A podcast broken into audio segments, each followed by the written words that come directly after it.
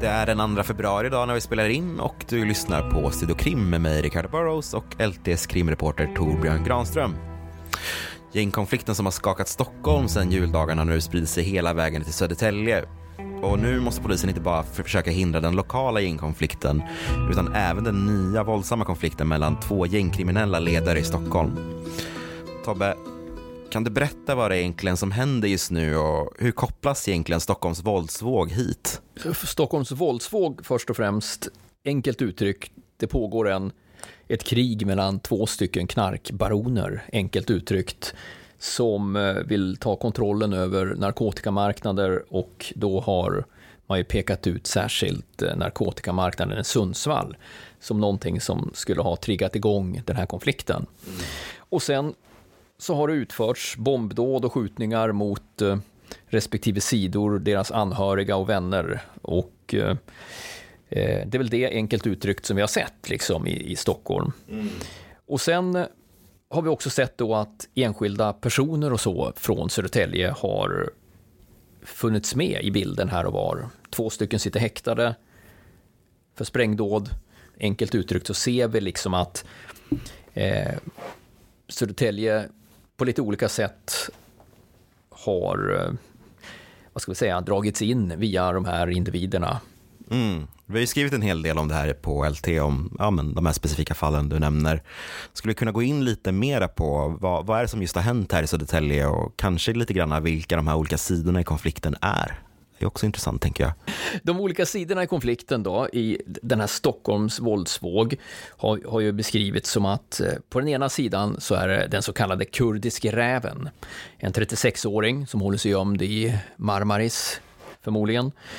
Och sen så har vi en ehm, eh, um, 24-åring tror jag han är, som kallas greken, som också ska hålla sig gömd i Turkiet. Eh, och eh, som bedriver då krig mot varandra med hjälp av sina utförare och eh, allierade nätverk i Stockholmsområdet. Mm. Och där kan vi konstatera att den kurdiska räven beskrivs som en av Sveriges mest, absolut största narkotikahandlare.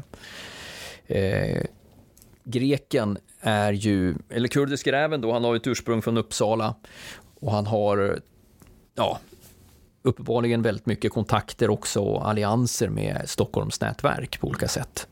Greken är en eh, rätt, den nya, ska vi säga, ledaren för Dalen-nätverket och hanterar väldigt mycket narkotika han också. Mm. Så det är helt enkelt krig mellan två stycken knarkbaroner kan man säga, eh, i svenska mått mätt.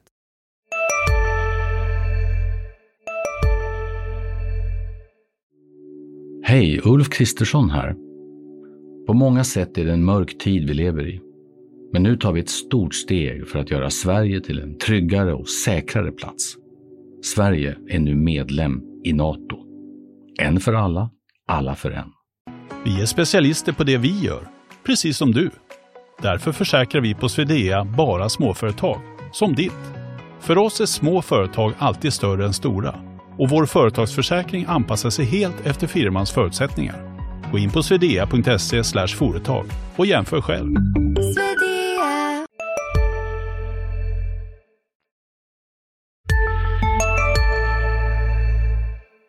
Mm.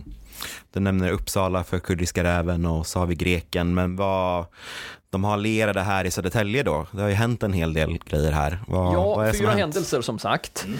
Och tre av de här händelserna är väl särskilt intressanta eftersom de eh, hänger ihop i en, en händelsekedja. Eh, och då kan man säga 18 januari så var det ett sprängdåd mot ett lägenhetshotell i Kista. Eh, tre personer greps för det. Målet där var en vän till greken, tror man, som hade sitt företag i det här företagshotellet. Mm. Och en av de här tre personerna som greps för sprängdådet är en 23-årig Södertäljebo. Så då kan man ju anta att de har agerat för rävens, på rävens sida mot greken. Eh, elva dagar senare, 29 januari, så sker ett sprängdåd i Upplands Väsby. Då grips en 26-årig Södertäljebo för det sprängdådet. Och det sprängdådet är riktat mot en av de tre som greps för sprängdådet i Kista, som jag pratade om nyss. Så då kan vi ju tänka oss då att eh, här har räven svarat, eller vad säger jag, här har greken, Greken, svarat mot räven. Och det här bombdådet i Upplands Väsby är riktat mot en 25-åring som eh, har pekats ut lite grann som, vad ska vi säga, rävens eh, bombtorped nummer ett lite grann. Att eh, han har utfört väldigt mycket dåd för den, den här kurdiske räven som han kallas. Och eh, ja, så då kom he helt enkelt eh, det var en vedergällning det där sista. Och slutligen då, nu var det väl natten till i onsdags den här veckan, första februari blir det va? Så var det ytterligare ett dåd, men på Storgatan i centrala Södertälje.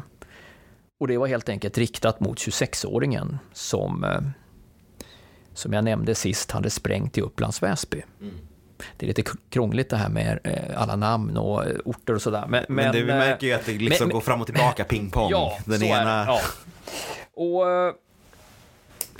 så kan man säga att där har du liksom tre utav händelserna som är, som är liksom, som i en händelsekedja. Den fjärde händelsen, den skedde den 25 januari och då besköts en dörr, en lägenhetsdörr på Astrabacken. Och eh, polisen tror att det var fel dörr. Måltavlan som man misstänker är en gangsterrappare som bor på ett annat våningsplan. Och där kopplar man också händelsen till konflikter i Stockholm. Om det exakt hänger samman med den här konflikten, det kan vi egentligen inte säga, men, men det ligger nära till hands därför att rapparen ska enligt polisen ha en konflikt med det så kallade May-nätverket, som i sin tur är allierade med den kurdiske räven. Okej. Så, och med tanke på hur många rappare som tycks vara måltavlor i den här uh, Stockholms våldsvåg så ligger det faktiskt nära till hands att tro att även den här rapparen då skulle möjligtvis vara det. Eh, Men- där har du de fyra händelserna. Ja, och här nämner du att det, liksom, det finns två stycken nätverk, då, olika nätverk som är allierade. Vilket får mig spontant att tänka, har våra egna falanger här i Södertälje, har de lierat sig med kurdiska räven eller greken? Jag tänker på såklart Saltskog-falangen och Ronna-falangen som är väl de som har varit drivande i vår våldsspiral här under hösten och vintern. Det är en intressant fråga och den har jag ställt till polisen också. För det var det jag tänkte också, om man kan se något liksom större eh, samband eller koppling här. Men av allt att döma så tycks det inte vara så att det är så att, falang, äh, nätverksfalanger från Södertälje skulle vara involverade, utan snarare enskilda personer. Båda de här personerna, 23-åringen som sitter misstänkt för sprängningen mot lägenhetshotellet i Kista och 26-åringen som sitter misstänkt för sprängningen mot eh, lägenhetsdörren i, eller flerfamiljshus trapp. Det var en sån här eh, trappuppgångsdörr Ja. i Upplands Väsby. Båda de här har jag eh, fått höra nu under dagarna som har gått att det är personer som har skulder, eller i alla fall har haft. Eh, 26-åringen har ett väldigt tydligt fall som eh, har gått till tingsrätten sen, jag tror att det var februari förra året, då han alldeles uppenbart ville dra sig ur kriminaliteten. Han, eh, han uppmanade till och med sin mamma att ringa och anmäla att han hade sprängmedel i garderoben. Oj. Och det, det där eh, eh, var ett ganska tydligt tecken på att eh, han ville dra sig ur, så att säga. Och av någon anledning, och sen, sen dess så har han egentligen, då vilar det ett åtal över honom helt enkelt. Eh, som inte har gått, det har inte varit rättegång kring det där sprängmedlet han hade i garderoben som han hittade. Det var dynamit och lite sprängpatroner och grejer, kablar. Eh, Men eh, han ska ha enligt uppgift då varit förhållandevis lugn under hela den här tiden. Sen har det rört sig liksom lite folk kring honom och eh, knack, knackade på lite fönster och sånt där i samband med, med, med den där händelsen. och lite mystiska figurer som man kan undra vilka det var och så. Han kände sig ganska pressad verkade det som under den här tiden, men, men han eh, försökte kliva av. Och så plötsligt då i onsdags eller tisdags kväll var det, vid halv åtta tiden så ska han ha lämnat hemmet och bara sagt att han skulle gå ut och kom inte tillbaks. Och sen var han gripen under natten misstänkt för den här sprängningen mm. i Upplands Väsby. Så jag tycker det, kan naturligtvis, det är naturligtvis en eh, bedömning utifrån de uppgifter vi har, men det känns som att det är enskilda personer som ja. har agerat och inte att det är några större konstellationer. Nej, men om jag tillåts spekulera lite grann, eh, jag tänker om de här två individerna då är skuldsatta, kan det då handla om att de här två knarkbaronerna i Stockholm slänger runt massa pengar eh, som kan locka in folk i, i kriminaliteten? Ja, det sägs ju det, eh, att det ska vara på det sättet. Och då kan man ju tänka sig då att den kriminella världen är liten, folk känner varandra, eh, man söker utförare kanske som ska jobba bort någon skuld. Som har, ja, och mer eller mindre tvinga, tvingas dras in i det här för att göra det. Så det, och det är ju tydligt också när man tittar på huvudparten av utförarna som faktiskt är väldigt, väldigt unga. Ehm, så lockas de väl in, både kan jag tänka mig med pengar som belöning och kanske att man har hållhakar på dem eller får dem att liksom agera på olika sätt. Mm. Ja, den här kopplingen kommer vi väl säkert fortsätta gräva vidare på, men som jag nämnde lite där i början, vi har ju pratat med polisen och de pratar ju nu om att nu är det två våldsamma konflikter som pågår eh, i Södertälje och nu i helgen då, eh, helgen den 28 och 29 eh, januari så häktades två stycken ynglingar här i Södertälje, en 18-åring och en 16-åring eh, misstänkta för förberedelse till mord. Och det som var speciellt tycker jag var ju att de till sitt förfogande hade vad polisen väljer att kalla en brevlådebil. Vad innebär det rent konkret? Polisen beskriver det som och här är lite intressant, för här ser man att liksom moduset i Södertäljekonflikten mot för Stockholms våldsvågskonflikten är lite annorlunda. Modus som i ja, alltså, tillvägagångssättet. Tillvägagångssättet, exakt. Ja. Att där i Stockholm så har man sett liksom att man skjuter och spränger mot eh, hus och dörrar eh, Ehm, för, för, att skrämmas eller hota eller markera liksom på olika sätt. I Södertälje så smyger de här gängen fortfarande på varandra på ett annat sätt och man placerar ut sådana här så kallade brevlådebilar. Eh, bilar som är preparerade med, som eh, spaningsledaren för Tore 3, eh, Richard Holt sa, mordkit.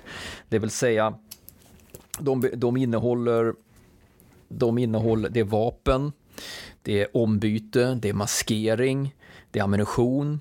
Allting är färdigt och bara tas i bruk så fort man ser sin måltavla.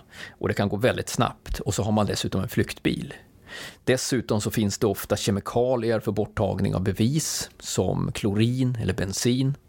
Och de här bilarna, så vitt jag vet har man hittat tre stycken nu på ganska kort tid. Man kan hitta fler också, men jag vet bara om tre som, de, som, jag, som vi har fått oss till del så att säga. Och kring den 10 januari-ish, någonstans där, man har inte sagt exakt datum, så hittade man den här första brevlådebilen eller mordkitsbilen eller hur man nu vill beteckna de här. Eh, man har inte sagt, man har inte velat sagt exakt vart man hittade den, men polisen säger att man är övertygad om att man avstyr ett mord här. Mm. Så att man har ju tydligen underrättelseuppgifter så pass att eh, ja, eh, man kanske vet en hel del både om eh, ja, vilken som eventuellt var i farozonen. Den andra bilen som man hittade bara någon dag efter det här, typ där någonstans första två, kanske 11, 12 någonstans där januari, ska ha varit en bil i Hovsjö med två yngre personer. Den innehöll inget just den bilen innehöll inte vapen just då. Och, eh, men det var en sån här uppställd bil i alla fall. Mm. Så mycket väl där, där, man skulle ha kunnat preparera med vapen. Men, men polisen liksom eh, såg de här och tog de här eh, i tidigare skede som man var tvungen att släppa dem, men man, man kunde ju identifiera dem och allt sånt där. Kunde konstatera att de tillhörde en av de här falangerna i den här konflikten, Saltskogsfalangen i det fallet. Mm. Eh, sen så har man upptäckt ytterligare en sån här bil i Hovsjö där man hade span. Då satte man span på den och då grep man ytterligare två personer, en 16-åring, en 18-åring och då fanns det skjutvapen med i bilden. Så sen har ju polisen gått ut och uppmanat att ser allmänheten liksom mystiska bilar som står på något ställe de inte ska stå eller uppställda någonstans parkerade eller det är mycket spring av eh, ungdomar eller yngre personer så kan det mycket väl vara en sån här bil helt enkelt. Och eh, det är också så här att det, det då, då, vill man att, då vill man ha in tips om de bilarna helt enkelt. Ehm, och det har visat sig tydligen att eh, forskning från annat håll har visat att fokuserar man på de här bilarna så, så får man bort mycket vapen och minskar eh, en hel del eh, våldsdåd och mord.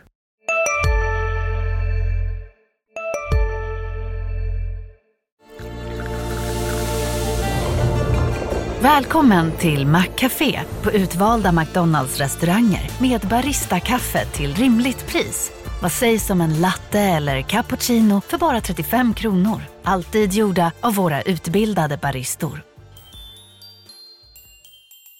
Hej, Synoptik här.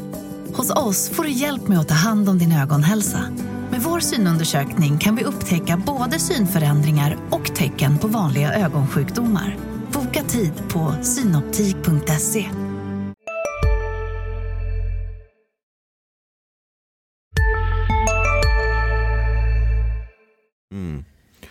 Det är ju väldigt läskigt att tänka att det finns alltså färdiga mördarkit i bilar i vår närhet som man, alltså hur många bilar går man inte förbi en helt vanlig dag och helt plötsligt kan en av dem Ja. liksom vara någonting som ska användas i ett planerat mord. Det, det ger mig lite kalla kårar.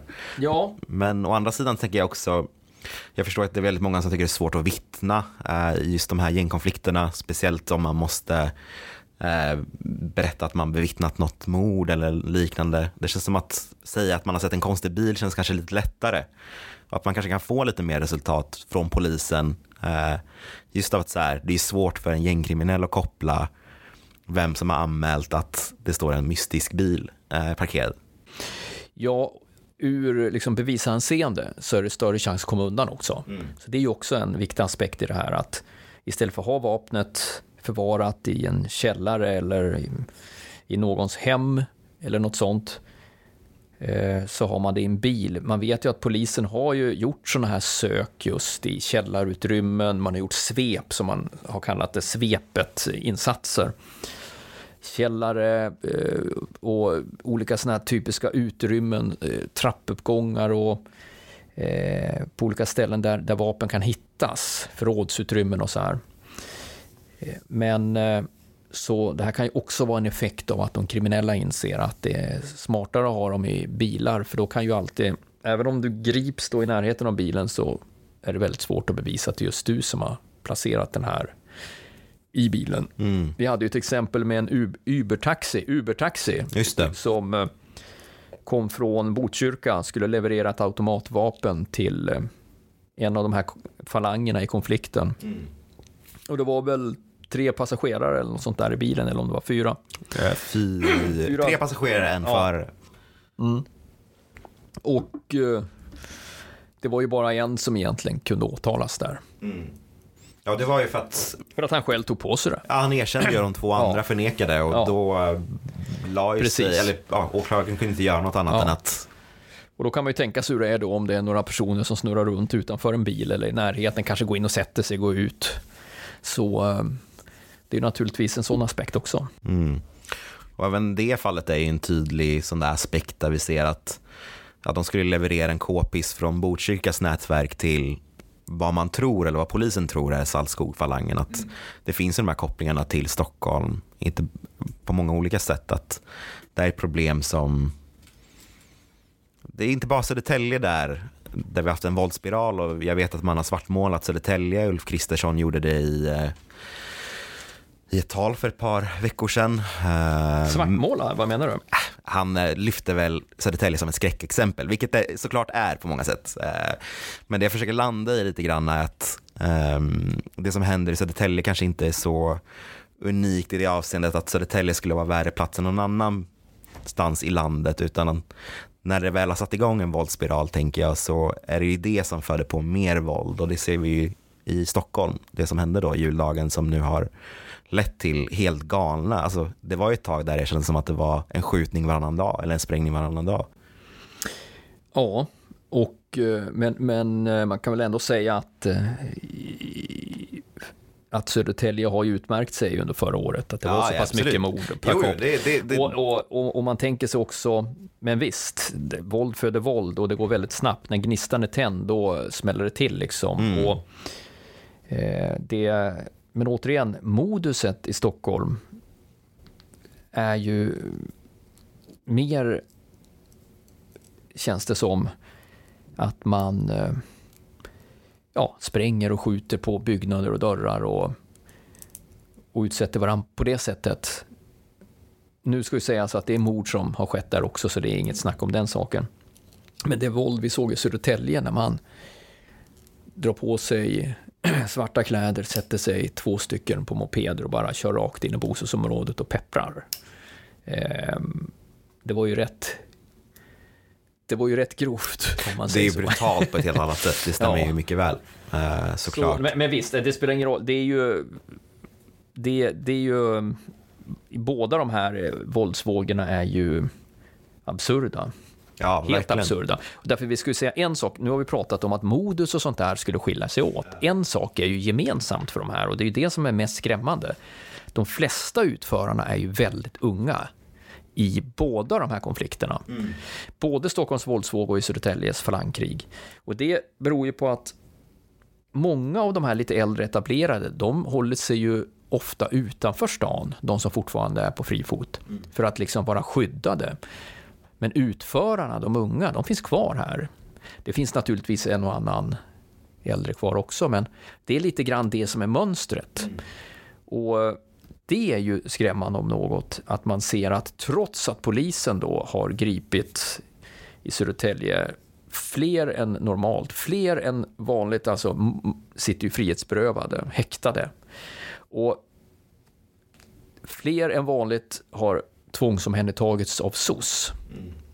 Ändå poppar det upp nya såna här tonåringar som tydligen är beredda att döda.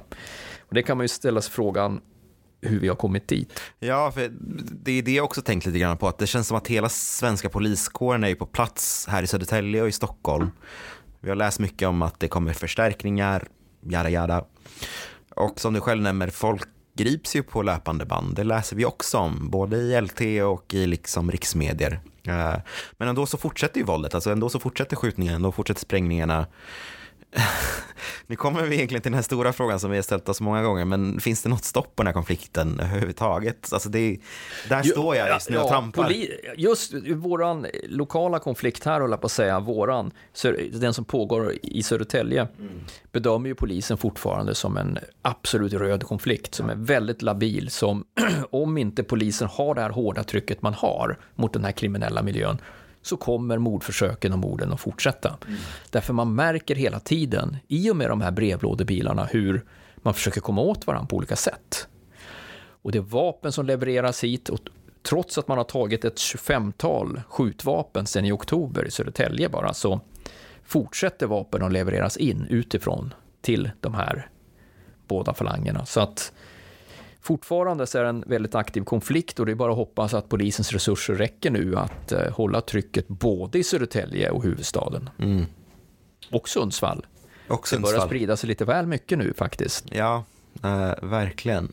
Vi på LT kommer ju såklart fortsätta att följa eh, gängkonflikten i stan och det var egentligen allt för veckans Studio Krim. Nytt för den här säsongen kommer ju bli att vi kommer släppa avsnitten varannan vecka istället för varje vecka och som vanligt så kan du som är prenumerant på LT förhandslyssna på avsnitten en dag innan på hemsidan. Annars kommer vi ut som vanligt på torsdagar där poddar finns och med det så tänkte jag att jag tackar för att ni har lyssnat.